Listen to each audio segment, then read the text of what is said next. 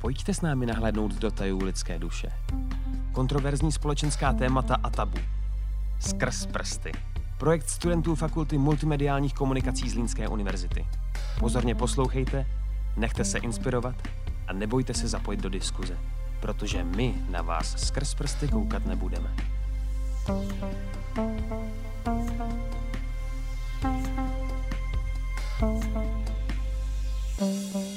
Vítejte u prvního dílu podcastu Skrz prsty. V rámci stejnojmeného festivalu, který se vzal pro letošní rok téma mentální zdraví. Vítám u nás Ivu Kolevovou, projektovou manažerku neziskové organizace Nevypust duši. Dobrý den. Dobrý den, děkuji za pozvání. První, co jsem udělal, když jsem se připravoval na tento díl podcastu, bylo to, že jsem otevřel vaše webové stránky nevypustitduši.cz a podíval jsem se do sekce s názvem O nás. Dozvěděl jsem se tedy v kostce a opravdu mě, pokud něco nebude sedět, že Nevypust duši je neziskovka, která se snaží veřejnosti ukázat, jak pečovat o duševní zdraví a kde hledat pomoc v případě nouze. Přinášíte rady a prevenci středoškolákům i učitelům, pořádáte workshopy nejen pro školy, ale i pro firmy a veřejnost po celé republice. Takhle bych na úvod schrnul poslání vaší neziskové organizace. Je tam ještě něco, co byste doplnila, nebo se rovnou přesunout k tomu, proč a za jakých okolností vaše neziskovka vznikla? Já myslím, že jste to řekl úplně skvěle a já doplním akorát to, že aby, aby to všechno dávalo dohromady smysl, eh, tak se uh, snažíme uh, dělat i nějakou advokační činnost, protože chceme, aby ta péče o duševní zdraví, aby prevence byla součástí systémové změny, takže se zapojíme i do různých uh, debat s ministerstvem zdravotnictví, ministerstvem školství, jsme vlastně součástí Rady vlády pro duševní zdraví, takže to chceme vlastně dělat komplexně eh, a aby se to postupně eh, dokázalo dostat třeba i do toho školského systému. Uh-huh, uh-huh. Pojďme tedy dále k tomu jádru. Co bylo v roce 2015 impulzem pro založení kampaně Nevypust duši a následně neziskové organizace? tak vlastně uh, Nevypust duši vzniklo jako takový facebookový projekt, nebo taková facebooková kampaň uh, dvou kamarádek Marie a Terezy, uh, které měly zkušenost se studiem v zahraničí, obě dvě studovaly ve Velké Británii a tam je péče o duševní zdraví o dost víc dopředu, než je u nás v České republice a vlastně si zažili i velmi, velmi důraznou péči uh, o duševní zdraví vysokoškoláků na těch svých univerzitách. Takže vlastně napadlo proč něco takového nezačít i v České republice. A takový druhý motiv u obou z nich bylo, že mají eh, vlastní zkušenost s nějakou duševní eh, nemocí, eh, takže to vlastně byl i nějaký jejich vlastní příběh. Dali dohromady nějaké základní infografiky a materiály, ale setkalo se to s docela dost velkým úspěchem. Eh, takže uh, na tom začali pracovat víc a víc, dávali tomu víc a víc volného času, uh, pomalu se to vlastně rozšiřovalo i mezi další, další lidi, kteří se k ním přidávali, samozřejmě zatím jenom jako v jednotkách. No a potom, potom se rozhodli, že založí přímo zapsaný spolek, takže vlastně neziskovku a postupně se teda začalo přidávat víc a víc lidí, už byli potom i první placení zaměstnanci, kteří to mohli dělat na full time a v současnosti společnosti je nás kolem 50, 60, 70, závisí to dost na tom, jestli je zrovna nouzový stav, anebo jestli můžeme dělat i věci prezenčně a tím pádem se může zapojit i mnohem víc dobrovolníků na nějakých, um, dejme tomu, akcích, festivalech, konferencích a podobně. Mně přijde teda super, že vlastně si vyzkoušeli studium v zahraničí, zjistili, že tady je to lepší, pojďme to udělat i u nás. Vaším cílem jo, je teda prevence tak. duševního zdraví. Pořádáte proto i workshopy pro školy. Pojďme si je tedy podrobněji rozebrat. Když si vzpomenu eh, na sebe v devátý třídě nebo na střední škole, byl jsem extrovertní, ukecený kluk, hrající v dramaťáku, ale ani tak si nedokážu představit, že bych třeba v 15 letech dokázal mluvit o mých problémech a už vůbec si to neumím představit u lidí, kteří nejsou povahově až tak otevření jako já. Takže jak vaše workshopy probíhají, abyste získali pozornost i u lidí, se kterými tluče puberta, a co je cílem těchto workshopů? Tak eh, my vlastně děláme programy, které jsou světové, abychom jim předali základní informace, které jsou hodně destigmatizační, takže boříme i nějaké mýty, které mohli ti studenti nazbírat při, při sledování film, filmů nebo když uh, čtou vlastně i běžný zpravodajství. Uh, a my jsme začali a ještě před rokem jsme to pořád dělali po, vlastně prezenčními workshopy. To znamená, že se jde na pět vyučovacích hodin do třídy, jdou tam dva lektoři a mají jak nějakou teoretickou, tak i praktickou část, různě to prolínají, hodně zapojují ty studenty a co je hodně důležité a je to vlastně, ukazuje se ve studiích, že to je nejúčinnější metoda, jak eh, destigmatizovat duševní onemocnění, eh, že jeden z těch lektorů má vždycky zkušenost s duševním onemocněním, takže vlastně cca uprostřed toho eh, programu říká svůj příběh. To je jednak dobrý, protože to jsou mladí lidi, ti lektoři, takže pro studenty je velmi jednoduchý se s nima stotožnit. Za druhé, většinou, pokud je to i třeba nějaká neposlušná třída a nebo i třída nějakých introvertů, přesně jak jste zmiňoval, že ti se úplně o tom nechtějí bavit, tak to je většinou ten zlomový bod, kdy je to zaujme a řeknou si například, Ježíš, tak to jsem si vůbec nemyslel, že tady Klára má nějaké problémy, když prostě přišla úplně v pohodě hezká, chytrá holka do třídy.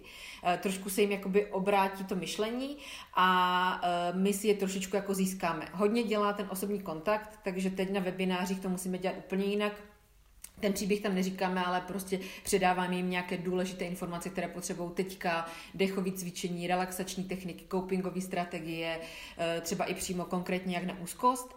Eh, nicméně eh, ten příběh se nám ukazuje jako velmi dobrý. U těch workshopů i u webinářů vždycky ty děti zapojujeme anonymně. To znamená fyzicky nám píšou různé papírky, jakoby vzkazy na papírky, nenutíme nikoho se hlásit. Přes webináře používáme anonymní platformy, aby nebyly nějak vystresované stresovaný z toho, že pod svým jménem musí psát otázky a odpovědi do chatu. Takže tohle hodně funguje, protože jsme si vědomi, že to je citlivý téma a že je potřeba vytvořit nějaký bezpečný prostředí. Mm, takže webináře anonymně, ale když jsou ty děti v, tom, v té třídě, tak normálně dokážou mluvit veřejně třeba o tom, co se děje u nich doma? Nestydí se teda? No, my vlastně na začátku se jich uh, zeptáme na nějaké jako představení, aby řekli uh, nejenom, jak se jmenují, ale třeba jestli uh, si dokážou představit něco pod pojmem psychohygiena, což dost dětí ještě pořád neví, co to je, uh, anebo jestli mají zkušenost buď sami, anebo ve svém okolí uh, s nějakou duševní nemocí. A e, stává se nám, že dost často řeknou, ano, mám tu zkušenost a vlastně se třeba i rozmluví v průběhu. Můžou se samozřejmě ptát osobně, můžou mít právě tady tuhle tu anonymní e, formu těch, těch dotazů a samozřejmě to, co je hodně časté, je, že třeba po skončení, my jim tam tu možnost dáváme, po skončení můžou za těmi lektory přijít a zeptat se v mnohem větším soukromí než před celou tou třídou. Ale obecně je jakoby velmi dobrá zpětná vazba na to a vidíme, že ty děti o tom eh, čím dál tím víc uh, mluví, jsou ochotní o tom mluvit a už nemají možná takové předsudky, jako to bylo před pěti, deseti lety, ale ten posun jako hodně, hodně pomalý a máme před sebou ještě docela dost práce. Mm-hmm. No a posunula se ta doba, takže nabízíte vy stále workshopy školám, nebo už jsou v dnešní době ředitelé, lomeno ředitelky škol si vědomi toho, jak je duševní zdraví důležité a tak se už ozývají i školy vám? No, eh, na začátku jsme skutečně museli oslovovat my je a vysvětlovat jim, že to je důležité téma, eh, že to musí patřit do prevence, stejně jako přijde někdo a mluví o, o drogách, eh, o sexuální výchově a podobně. Momentálně je to ale už tak, že vlastně ty školy spíš musíme odmítat lépe řečeno webinářů jsme schopni udělat mnohem víc než fyzických workshopů, takže teďka se fakt snažíme pomoct co nejvíce třídám, protože uh, i vzhledem k tomu, jaká je prostě stávající situace, tak cítím, že to je opravdu potřeba, takže se snažíme ošetřit co nejvíce škol, uh, ale třeba ještě v roce 2019 se nám stalo, že bylo asi 40 škol na čekačce, protože už nebylo jako v našich kapacitách uh, to všechno uh, obět. Zvlášť teď, v téhle době, je mi to jako hrozně líto, že musím říct, a říkám to v hodně velkých uvozovkách, že pandemie pomohla tomu, aby si lidi uvědomili, že to duševní zdraví je důležitý a ta poptávka momentálně je extrémně vysoká, jak ze strany eh, škol ve smyslu pro středoškoláky nebo pro 8. 9. třídu základních škol, tak i uh, poptávka ze strany učitelů, kteří chtějí něco udělat sami pro sebe a skrz sebe se vlastně věnovat líp dětem, tak i ze strany veřejnosti, firem, uh, které jsou třeba už přes rok na home office a uh, opravdu se jako nenudíme, no, hmm. je třeba to říct. Já teda opravdu rád slyším, že se ty školy ozývají už vám, že ta doba šla dopředu. Šla dopředu i v tom, že téměř každá škola má školního psychologa. Jak vnímáte roli školních psychologů v souvislosti s duševním onemocněním a zdraví? A jaký má tento post výhody pro zdraví mladých lidí? No, uh, ono to zní jakoby hrozně hezky.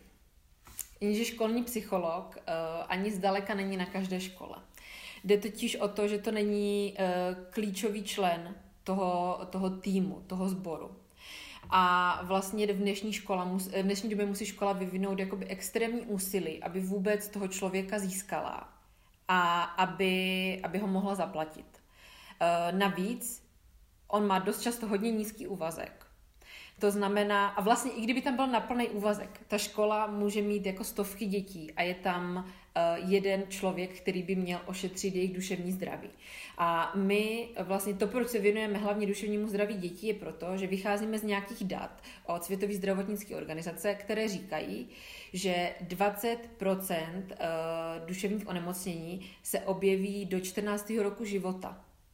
To znamená, když bych řekla, že má škola tisíc dětí, tak 200 z nich bude mít nějaký problém a tím pádem uh, není šance, aby ten psycholog to všechno pokryl.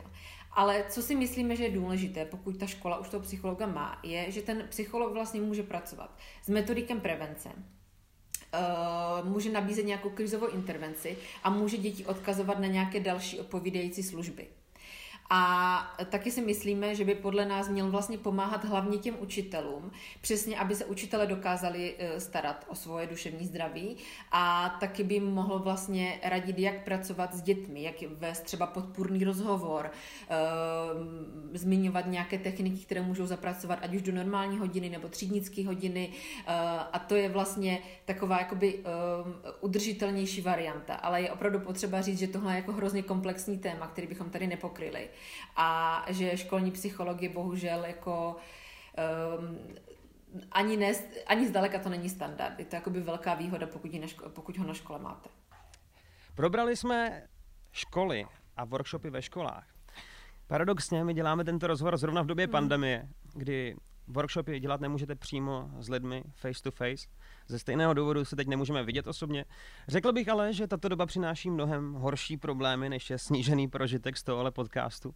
Může pandemická situace a veškerá omezení zapříčinit spuštění nějakého duševního onemocnění? Pokud ano, jak tomu riziku předejít?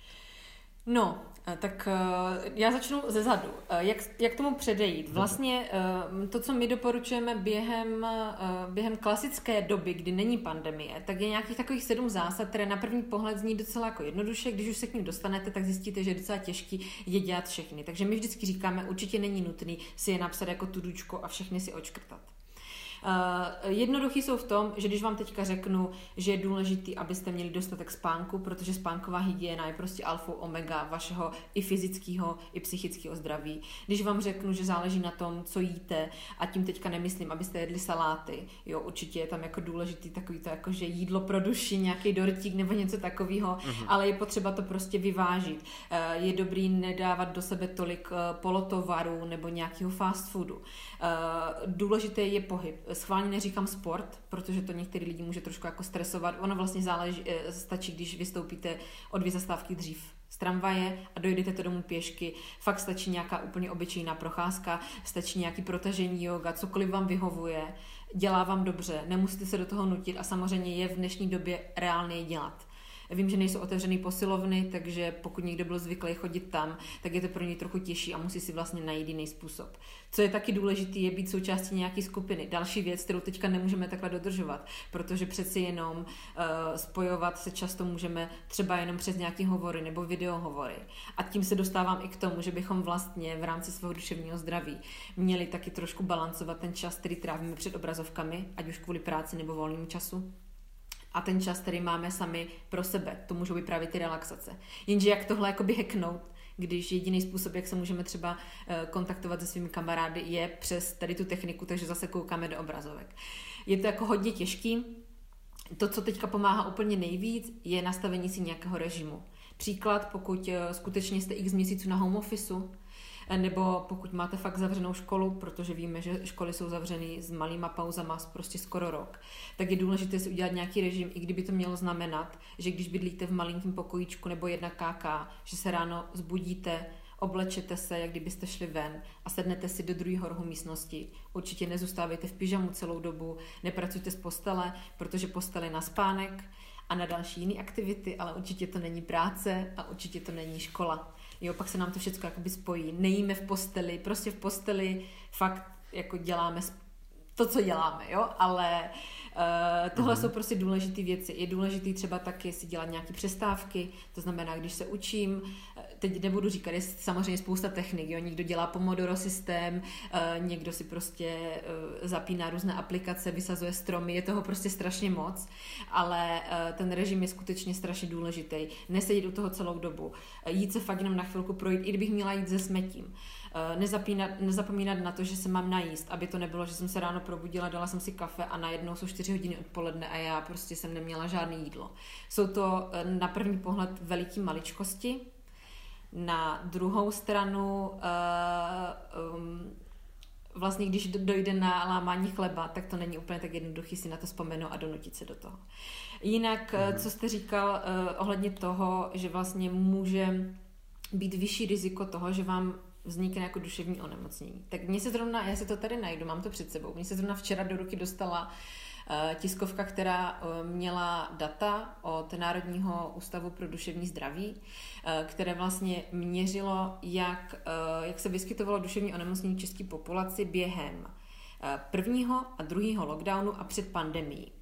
A když vezmu, jsou tam jako různé úzkostní poruchy, deprese, jsou tam třeba i rizika sebevraždy, a když to všechno dám do jednoho, tak eh, před pandemí to bylo 20% populace, po první vlně to bylo 29,6, dejme tomu skoro 30, teď jsme na 33%. To znamená, že třetina populace, to je, je to extrémně vysoké číslo, třetina populace má nějaký uh, psychické problémy. Uh, po té první vlně, právě po tom jaru, uh, se ještě spojili s uh, ústavem CERGE, ale ten bohužel jakoby nedával do těch čísel dětí, takže to je jenom jakoby z dospělých a ti zjistili, že to fakt byla jakoby mírná třeba až střední forma nějaké jako deprese. Takže není to nějaká jako jenom sranda. Jsou to fakt jakoby velký čísla, které můžou být spojeny právě s tím, že my jsme přišli o všechny ty zdravý způsoby, jak se o sebe starat. O ten pohyb, o, nějaký, jako, o nějakou sebepéči, která mohla být klidně i e, v rámci e, toho, že jsme navštěvovali nějakou kulturu.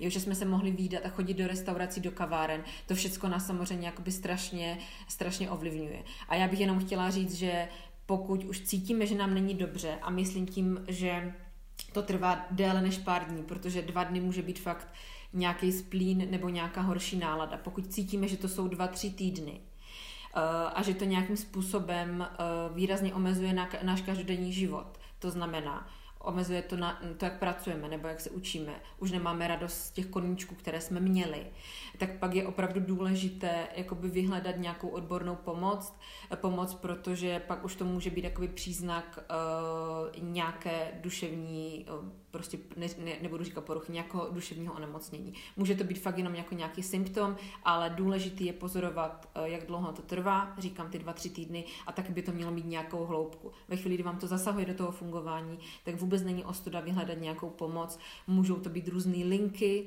eh, které jsou prostě anonymní, zdarma, non-stop, jsou fakt vám jakoby k dispozici vždycky. Nenechte se odradit, kdybyste se náhodou nedovolili na poprvé, protože jsou jakoby vzhledem k té situaci třeba i přetížený. Ale ale ty služby tady nějaký jsou, eh, dají se dělat prostě online, i terapie se dají dělat online. Není to úplně jako ono, ale zároveň je to mnohem víc jakoby přístupnější lidem, eh, kteří se prostě nemůžou vidět, anebo třeba i mají nějaký jako blog a je to pro ně lepší takhle jako na dálku. Mně se líbilo, jak jste říkala ty typy, jak si vyplnit ten den, když nemůžeme v podstatě mm, dělat skoro mm, nic. Mm. Musím se trošku přiznat, eh, rozesmutnila jste mě s tím, že nesmím jíst v posteli, já jsem si na to pořídil i ten stoleček. A co se týče uh, dne v pyžamu, taky to mám rád. A co teda považuji za svůj nejhorší problém, že kvůli téhle době uh, se mi stává, že já usnu ve tři ráno a pak spím do dvou odpoledne, protože prostě nepotřebuju vstávat. Mm. Tyhle ty věci, které dělám špatně a ty, které bych mohl ještě zlepšit, najdu někde sepsaný, abych si přesně mohl projít seznam toho, co se doporučuje v téhle koronadobě. Přesně tak, přesně tak. Když vlastně uh, my se tady tyhle ty věci, které jsou uh, evidence-based, protože se snažíme opravdu vycházet z toho, co už někdo delší dobu pozoroval a zjistil, že funguje, tak se snažíme dávat do nějakých jako dobře stravitelných materiálů, infografik, aby to prostě pochopil úplně každý a bylo to přístupný veřejně stažitelný úplně komukoliv. Takže když půjdete na naše stránky na Nevypust duši, tak tam máte uh, vlastně uh, materiály ke stažení. Jsou to různé obrázky, PDF a je tam právě i těch sedm zásad zdravé psychohygieny. To je náš vlastně jakoby nejoblíbenější dokument, který máme vlastně i vytištěný a rozdáváme, když to jde. A pak tam jsou třeba i věci jako manuál pro blízkého, což je hrozně důležité právě v tom, když vidíte, že se něco děje uh, někomu z rodiny nebo vašemu kamarádovi, kolegovi, kolegyni a, a tam je vyloženě popsané jako taková mapička, takový pavouk, uh, jak k tomu člověku přistupovat a jsou tam vyloženě i nějaké jako fráze, protože někdy my se snažíme tomu člověku pomoct, ale vlastně třeba řekneme něco, co ten stav ještě zhorší, anebo neumíme najít vhodný slova, takže tohle se taky docela hodí. Lidi si to dávají třeba na ledničku, když to mají jakoby eh, vytištěný nebo od nás někde dostali. Kdo by chtěl jít ještě víc do hloubky, tak máme blog, kam píšeme články, kde už potom to i zdrojujeme a tam si třeba můžete přečíst o těch relaxačních technikách, proklikat se na YouTube na nějaké videa, zjistit, že jsou aplikace, většina z nich je v, češ- eh, v angličtině, ale už se začne objevovat i nějaké v češtině a myslím si, že toho je teďka čím dál tím víc a věřím, že tam najdete jakoby skoro všechno, co byste teďka mohli potřebovat ohledně eh, duševního zdraví. Mm-hmm, takže to chápu dobře, že pomůžete i jednotlivcům. Já se přiznám, že mě tahle doba už strašně ničí a vysiluje, chybí mi mm, kamarádi, mm, rodinný mm, sešlosti, kultura, mm, sport, mm. dnes v poslední řadě restaurační mm. zařízení, bary a kluby. A co si budeme povídat? Zatím jsem teda nepropadl depresím nebo podobným psychickým problémům. Dejme tomu, že se u mě projeví jakýkoliv psychický problém. Takže vaše nezisková organizace pomůže i mě jako jednotlivci, stejně tak jako pomáháte školám a větším skupinám lidí. No, dá se říct, že ano, ale musím to jako rozvíst. My děláme prevenci. Takže máme samozřejmě v týmu psychologii, ale ty se zabývají spíš tím, že připravují tu metodickou část věci, aby to prostě dávalo smysl, ten program, aby byl prostě ucelený, aby obsahově i, i metodicky prostě dával smysl. Uh, a Tihle ti lidi u nás pracují i eh, v rámci zodpovídání nějakých dotazů a to jsou přesně ty dotazy, které jste zmiňoval. Když se na nás obrátí někdo, že cítí, že, že už to není jako dobrý, co by měl dělat. Nebo naopak, cítím, že to není dobrý u mýho blízkého, co bych měl dělat. My neposkytujeme tu psychologickou pomoc ve smyslu nějaké konzultace nebo terapie, Děláme prevenci, to znamená, že my odkazujeme lidi uh, na odpovídající služby. A když si vlastně najdete tu naši stránku, tak uh, pokud teda se neobrátíte na nás přes mail nebo sociální sítě, kde už prostě vám přímo odkáže na nějakou konkrétní službu i, i naše psycholožka, tak my tam máme uh, odkaz kde najít pomoc. A je to rozcestník, na kterým jsme pracovali hodně dlouho, průběžně ho aktualizujeme. A jsou tam různé uh, organizace, uh, linky, uh, všechno možné a filtrované podle toho, kde bydlíte, v jaký jste věkové skupině, jaký problém třeba řešíte. A je to hodně důležité pro lidi, kteří se v tomhle systému moc neumí zorientovat. Nevědí třeba, na koho se obrátit, co od té služby čekat. Eh, vlastně, jak funguje celkově. A tohle je něco, co jsme zjišťovali a vlastně nikde neexistuje. Takže jsme to dávali dohromady a je to fakt jakoby hodně obsáhlá, hodně obsáhlý dokument, kde fakt, když byste prostě cítili, že vám není dobře a žijete v Brně a řešíte ty a ty problémy, tak vás dokážeme dokážeme od, odkázat na nějakou konkrétní, na nějaký konkrétní subjekt. Takže to si myslím, že je vlastně ten, ten důležitý, ten důležitý bod. Mm-hmm. Takže ve zkratce většinu informací k tomuhle tématu najdeme na webu nevypustduši.cz, kde najdeme vlastně i kontakt na vás. Dobře. Je vůbec nějaký návod na to, jak předcházet eh, duševnímu onemocnění uh, nějaký jako vyloženě oficiální, oficiální návod. Vy jste tam mluvila o nějakých sedmi pravidlech, pokud se nepletu. To je onen návod, o kterým mluvím, na který se ptám? No, uh, ono je to hodně těžký. Nejde jako, asi neexistuje žádný oficiální návod. Uh, vlastně každému funguje něco, uh, něco jiného, ale uh, ano, asi bych se vrátila tedy těmhle těm věcem, které jsou prostě základ. Jde o to, že vlastně je tam hodně věcí spojených s fyzickým zdravím, protože tyhle ty věci jsou dost na to duševní zdraví propojený. Uh, co my uh, tady hodně jako uh, řešíme a vždycky zmiňujeme, Eh, tak dáváme důraz na spánkovou hygienu a ta je prostě fakt extrémně důležitá. A to i přesto, že máte zrovna pocit, že se vám nechce spát a že prostě už dokoukáte těch dalších deset dílů na tom Netflixu, protože už jste prostě deset dílů vykoukali, tak si to pojďme jakoby binge watchnout celý. Uh, Uh, tak na spánku vlastně stojí úplně všechno, abyste mohli jako dál fungovat. Takže já bych řekla, že první věc je určitě řešit uh, spánkovou hygienu a pak postupně uh, do toho zako- zakomponovávat ty další kroky, které jsem zmínila. Ale oficiální návod, že byste prostě si takhle koupili jako tenkou knížičku a tam by bylo tak když budete splňovat ty kroky v tomhle pořadí, tak se vám duševní zdraví, eh, duševní zdraví prostě budete mít mm, silný, eh, pevný, eh, vyhne se vám jakýkoliv onemocnění, to se říct nedá. Co je ale důležitý říct, že i když by se vám nějaké duševní onemocnění rozvinulo, tak existujeme v době, kdy se dá velmi dobře ošetřit, můžete s ním žít plnohodnotný život a co je úplně nejpodstatnější a, a my se to snažíme hlásat, že se můžete vyléčit. Není tam to stigma toho, že ve chvíli, kdy máte nějaký problém, tak přece jste jako blázen a váš život jako skončil. Uh, vůbec nic takového není. Jsme si vědomi, že to stigma furt jako existuje, uh, ale je to přesně tak, když si zlomíte nohu, teď to nechci jako úplně zjednodušovat, ale pravděpodobně si neřeknete u zlomený nohy, no tak to je super, tak už nikdy v životě nebudu chodit a hrát fotbal víte, že se prostě uzdravíte a děláte všechno pro to, abyste se uzdravil. Budete dodržovat to, co vám řekne doktor, uh, budete mít tu sádu, tak jak ji máte mít dlouho, pak budete chodit na rehabilitace, tak vlastně velmi podobně to probíhá, i když uh, se snažíte uh, léčit z duševního onemocnění. Je tam úplně normální jako varianta toho, že to bude buď udržitelné tak, abyste žil plnohodnotný život, anebo že se vám to prostě podaří překonat. To je úplně jako krásná realita. Myslím si, že jako naděje, kterou teďka potřebujeme všichni.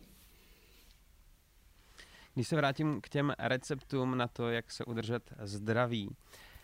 Spousta lidí, co znám, bohužel má jednoduchý recept na stres. U některých je to marihuana, u jiných alkohol. Je mi jasný, že tyhle věci pomůžou lidem jen krátkodobě a naopak mi můžou způsobit mnohem větší psychické mm-hmm. problémy. Mm-hmm. Jsou tady i další fámy a mýty, se kterými se setkáváte? Je jedno, jestli si vzpomenete na podobné pubertální typy, jako jsem jmenoval já, anebo třeba na babské pověry, to je úplně jedno. No, a musí to být jako typy, jo? Jakože eh, mýty ve, ve formě typů na to, jak jakoby to překonat.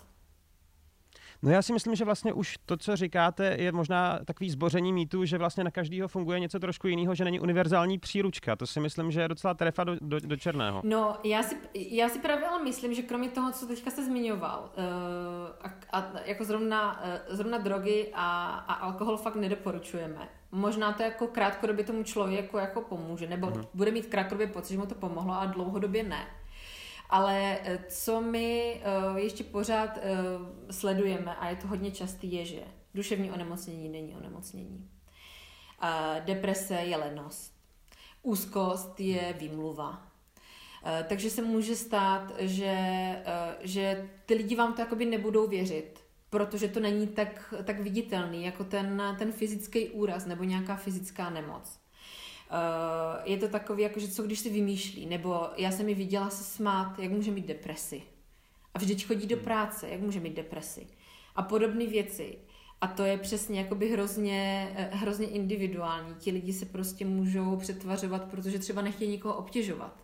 Nebo protože byli od jak živa vedení k tomu, že emoce nedávejte najevo a prostě nechte si to pro sebe, trošku to jako udusejte a ono se to vstřebá v vozovkách tohle není úplně ta cesta, protože když vás bude bolet zub a znova to prostě musím dávat jako do, do přirovnání k fyzickému zdraví, protože tohle, na tohle lidi slyšejí, když vás bude bolet zub a bude vás bolet víc a víc a víc a teďka budete mít pocit, že už vám to tam jako s proměnutím hníje, tak si taky neříknete, no tak nějak to samo vypadne prostě časem v pohodě, však dobrý. Takže takhle úplně stejně bych, bych se zachovala eh, u toho, když když mi není dobře, protože vlastně v vozovkách to nejhorší, co se vám může stát, je, že zjistíte, že to je něco přechodného, že to není nic vážného, ale tím, že vyhledáte nějakou odbornou pomoc, nějaký pohled odborný na tu věc, tak zjistíte, jestli je třeba potřeba nějak pod, eh, postupovat dál, anebo jestli jste v pohodě a můžete mít jenom nějaký jako další kroky, přesně takový ty jakoby běžný, jak se o sebe starat, spánek, pohyb a teda a teda. To je úplně super, že boříte tady tu neznalost protože ta představa, že bych měl třeba depresi a moji blízký mi říkali, že jsem jenom línej, hmm. to zní úplně strašně. Když se podíváme ještě na váš web, často zmiňujete, je důležité budovat si návyky směřující k duševnímu zdraví už od útlého věku. Jak a kdy s budováním návyků tedy začít a jaké věkové skupiny jsou v současné době nejnáchylnější k duševním onemocněním? Mm-hmm. Důležitá věc, ano. Uh, my si myslíme, že je dobrý začít právě už, už na škole, Eh, a proto tam chodíme, protože jsme si vědomi toho, že, eh, že takhle, eh, že když to dáme do toho vzdělání, do toho, do toho vlastně školského systému, ideálně někdy do kurikula, to by bylo jako super, o to usilujeme, takže eh, že vlastně uděláme tu nejlepší službu jak těm lidem, tak vlastně i celé společnosti, protože ve chvíli, kdy oni vědí, jak se o sebe můžou starat, eh, tak potom je eh, pravděpodobnost nějakého naplněného života, well-beingu mnohem vyšší, že, že budou prostě spokojenější, budou vědět, kde vyhledat tu pomoc, kdyby něco, ale hlavně budou vědět, jak se o sebe starat a tím pádem předcházet jakýmkoliv problémům, které můžou vzniknout. Oni tou prevencí je můžou vlastně jako zabrzdit, anebo třeba minimalizovat minimalizovat to, aby se to rozjelo do nějakých jako neuvěřitelných rozměrů. Eh, co se ale týče těch skupin, které jsou nejohroženější právě teď, tak podle té studie, jak jsem říkala, co dělá dohromady NUC, Národní ústav eh, pro duševní zdraví a CERGE, tak eh, oni právě neskoumali děti. Ono se jako v České republice těch čísel není zas tak moc. Ale ukazuje se, že nejohroženější jsou mladí dospělí do 30 let, a uh, matky samoživitelky nebo rodiče samoživitele a uh, osamělí lidé, třeba seniori a podobně. Potom samozřejmě to, co asi teďka tušíme všichni, kdybychom to zase vzali z pohledu uh, profesí, tak určitě nejohroženější jsou zdravotníci, ale jakákoliv jiná pomáhající profese, která se do tohohle uh, procesu nějakým způsobem zapojuje a je potřeba říct, že do pomáhajících profesí momentálně patří třeba i učitelé, kteří to, že jsou přece jako doma a nemusí dozorovat na chodbách, protože i tenhle názor už jsem slyšela a vlastně si nemají na co stěžovat, tak to mají teďka extrémně těžký, eh, protože je to všecko no, všecko je to prostě na dálku a tím pádem se velmi těžko pracuje s těma dětma a, a fakt je to jako komplikovaná situace. No. Spoustu typů, co jste nám řekla, najdeme, zase se vracím k vašemu webu, Nevypust duši, jak si ty informace zjišťujete, jestli si děláte vlastní průzkumy, případně z jakých zdrojů vycházíte, případně s kým ještě dále spolupracujete? Tak um, my vždycky vycházíme z těch evidence-based zdrojů. To je něco, na čem si hodně zakládáme, aby, aby to bylo skutečně položené na, na tvrdých datech. A hodně vycházíme z nějakých průzkumů z Velké Británie, kde jsme se právě jakoby inspirovali eh, v těch našich programech, ale snažíme se upravovat na to české prostředí. My sami si průzkumy neděláme, my si maximálně jakoby mapujeme, eh, že máme jako anonymní dotazníky pro ty studenty a můžeme tím pádem jakoby vyhodnocovat ty naše programy a upravovat je. Ale jakoby velký výzkum, průzkum eh, v české populaci neděláme. Eh, když jsem třeba teďka um, zmiňovala NUC a nebo CERGE, eh, tak to, to jsou jedni ze zdrojů uh, v České republice.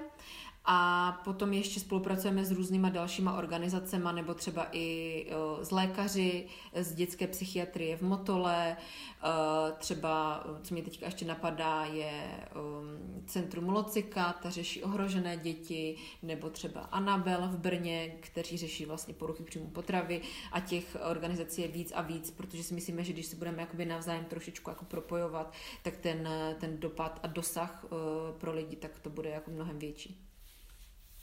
To je super, že to berete vlastně jako týmový sport, že si můžete navzájem mm-hmm, pomoct. Mm-hmm. Když jsem se díval na ten web, našel jsem tam taky profily vašeho týmu i vás, jakožto projektovou manažerku. Mm. Mimo jiné mě teda zaujalo, že tam máte i nějakou vtipnou větu na závěr, že ráda vaříte ostatním. To jsem si říkal, že škoda, že neděláme face to face ten rozhovor. Každopádně, pojďme ale dál. Je tam sedm členů týmu. Je to kompletní tým na tom webu, nebo ještě jsou tam další členi, členové, členové eh, týmu? No, eh, ti na tom webu jsou vlastně ti tak jakože v vozovkách v pozadí trošku, protože domlouvají vlastně všechny ty naše programy a všechny možné spolupráce a aby to šlapalo. Takže to je takový ten tým, co sedí v té kanceláři a nepřijde třeba tolik do kontaktu se školama, s veřejností, s firmama a podobně. Takže jsem to já, která prostě mám eh, na starosti všechny ty projekty, mám pod sebou koordinátory, kteří řeší třeba středoškolský nebo učitelský učitelský programy, eh, pak tady sedí samozřejmě spoluzakladatelka a ředitelka organizace Marie, máme tady psycholožku, eh, fundraiserku, ale to, eh, díky čemu jsme se mohli dostat do tolika škol, za tolika lidmi, tak zatím stojí naši lektoři, a naši lektoři vlastně pracují víc v tom terénu, což bohužel je teďka vedlejší místnost, kde se vysílají webináře věč, většinou. A pak jsou ještě nějací dobrovolníci. Všechno to jsou mladí lidé, kteří jsou buď Eh, studenti anebo absolventi pomáhajících profesí, to můžou být medici, eh, kteří potom třeba jdou na psychi, eh, jakoby aspirují na psychiatra, psychiatrini, jsou to psychologové, sociální pracovníci, neurovědci a podobně. A, a taky to jsou lidi ze zkušeností, kteří vlastně tvoří asi polovinu týmu, to znamená lidi, kteří v mladém věku zažili nějaké duševní onemocnění, které mají teďka stabilizované, anebo jsou z něho už i, vyléčeni a ty vlastně používáme nebo používáme tak jako jakože eh, blbý slovo, ale ti často vypráví ten svůj příběh a sdílí ho eh, s těmi lidmi. To teďka neděláme úplně online, protože tam není úplně způsob, jak to ošetřit v případě, že by to nějak jako působilo jako nějaký spouštěč, eh, ale těch lidí je vlastně, jsou to jako takový ty dvě kategorie, ten tým, co sedí v, to, v té kanceláři a ti, co spolupracují dál a pak ti dobrovolníci, kteří třeba chodí i na různé jako akce, veletrhy, konference, které se teďka bohužel nemůžou konat. Mm-hmm. Plánujete se rozrůstat ještě o další členy? Co má třeba udělat posluchač, který teď slyší náš podcast a řekne si, jo, tohle chci dělat, toho chci být součástí? No, nám vlastně chodí, um, chodí nám poptávky nebo nabídky, ať už na dobrovolničení nebo lektorování, uh, lidé by se chtěli zapojit, dává jim to smysl a my jsme se to strašně rádi. Ale uh, strašně si zakládáme na tom, aby všichni lidé v našem týmu měli nějakou péči.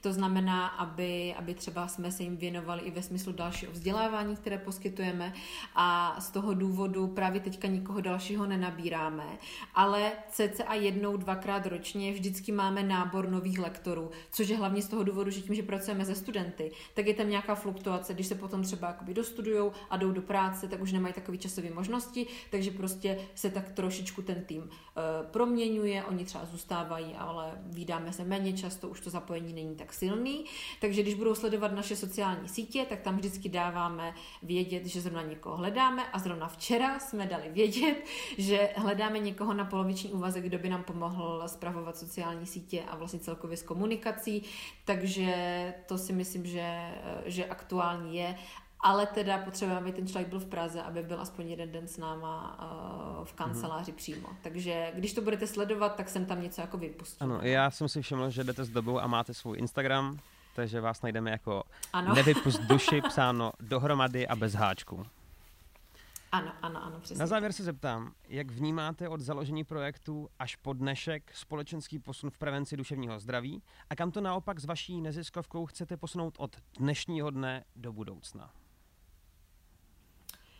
Ten posun vnímáme, myslíme si, že hlavně eh, mezi mladšími lidmi eh, je vlastně otevřenost eh, mluvit o duševním zdraví, vlastně ta možnost eh, říct, že chodím na psychoterapii a je to vlastně úplně něco normálního, stejně jako jakákoliv jiná preventivní prohlídka, tam je ten posun uh, velký, to cítíme. Zároveň samozřejmě cítíme i to, že uh, stigma je skoro nulové v sociální bublině, ve které se pohybujeme, ale uvědomujeme si, že to ani zdaleka není reprezentativní pro celou Českou republiku. Každopádně za těch pět let Eh, vidíme nějaký posun, ale víme, že je před náma strašně moc práce a že se chceme vlastně furt věnovat dál a dál. Eh, hlavně tím dětem a tím pádem, kdyby vychovávat tu, tu budoucí generaci a to o co nám jde teďka hodně a já jsem vlastně předtím, než jsem se připojila k vám, tak jsem byla ještě na tiskové konferenci o duševním zdraví dětí. E, takový apel vládě. E, se určitě chceme zapojovat do různých konverzací a různých pracovních skupin, ať už v poslanecké sněmovně, s jednotlivými rezorty, protože jsme vlastně Eh, mezirezortní, spadáme trošku do školství, trošku do zdravotnictví. Je to pro nás strašně podstatné, aby vlastně uh, jsme se spojovali s někým, kdo dělá ty rozhodnutí systémově, protože, uh, když to řeknu hodně zjednodušeně, neziskovka, i kdyby nás bylo víc, co řeší duševní zdraví, jakože nás moc není, tak to sama nevytrhne a je potřeba o tom uvažovat komplexně, je potřeba myslet na nějakou advokační činnost, takže kromě toho, že určitě chceme mít víc a víc těch programů pomaličku, aby to dávalo smysl, aby jsme to jako kučírovali, tak se chceme určitě uh, spojovat uh, s těmi stakeholdery, kteří potom dělají rozhodnutí na, na úrovni toho systému. To je pro nás extrémně důležité. Ivo, já vám děkuji za váš čas, za vaše skvělé odpovědi a vysvětlení mých dotazů. Váš web jsme řekli, pro jistotu ještě teda jednou zopakuju, nevypust duši CZ, Instagram jsme taky zmínili, nevypust duši. A ode mě je to všechno. Děkuji ještě jednou za čas s vámi tady eh, v podcastu Skrz prsty. Já moc děkuji za pozvání, doufám, že někdy brzo na, na viděnou osobně, možná i teda s nějakou tou výslužkou, jak jste zmiňoval. Zároveň ještě připomínám teda eh, náš web skrzprsty.cz, kde najdete veškeré informace o tomto festivalu. Připomínám i náš Instagram, který se jmenuje Skrz prsty, psáno dohromady, a náš Facebook Skrz prsty, psáno ne dohromady, ale normálně. Loučím se s vámi a těším se u dalšího dílu naslyšenou. thank you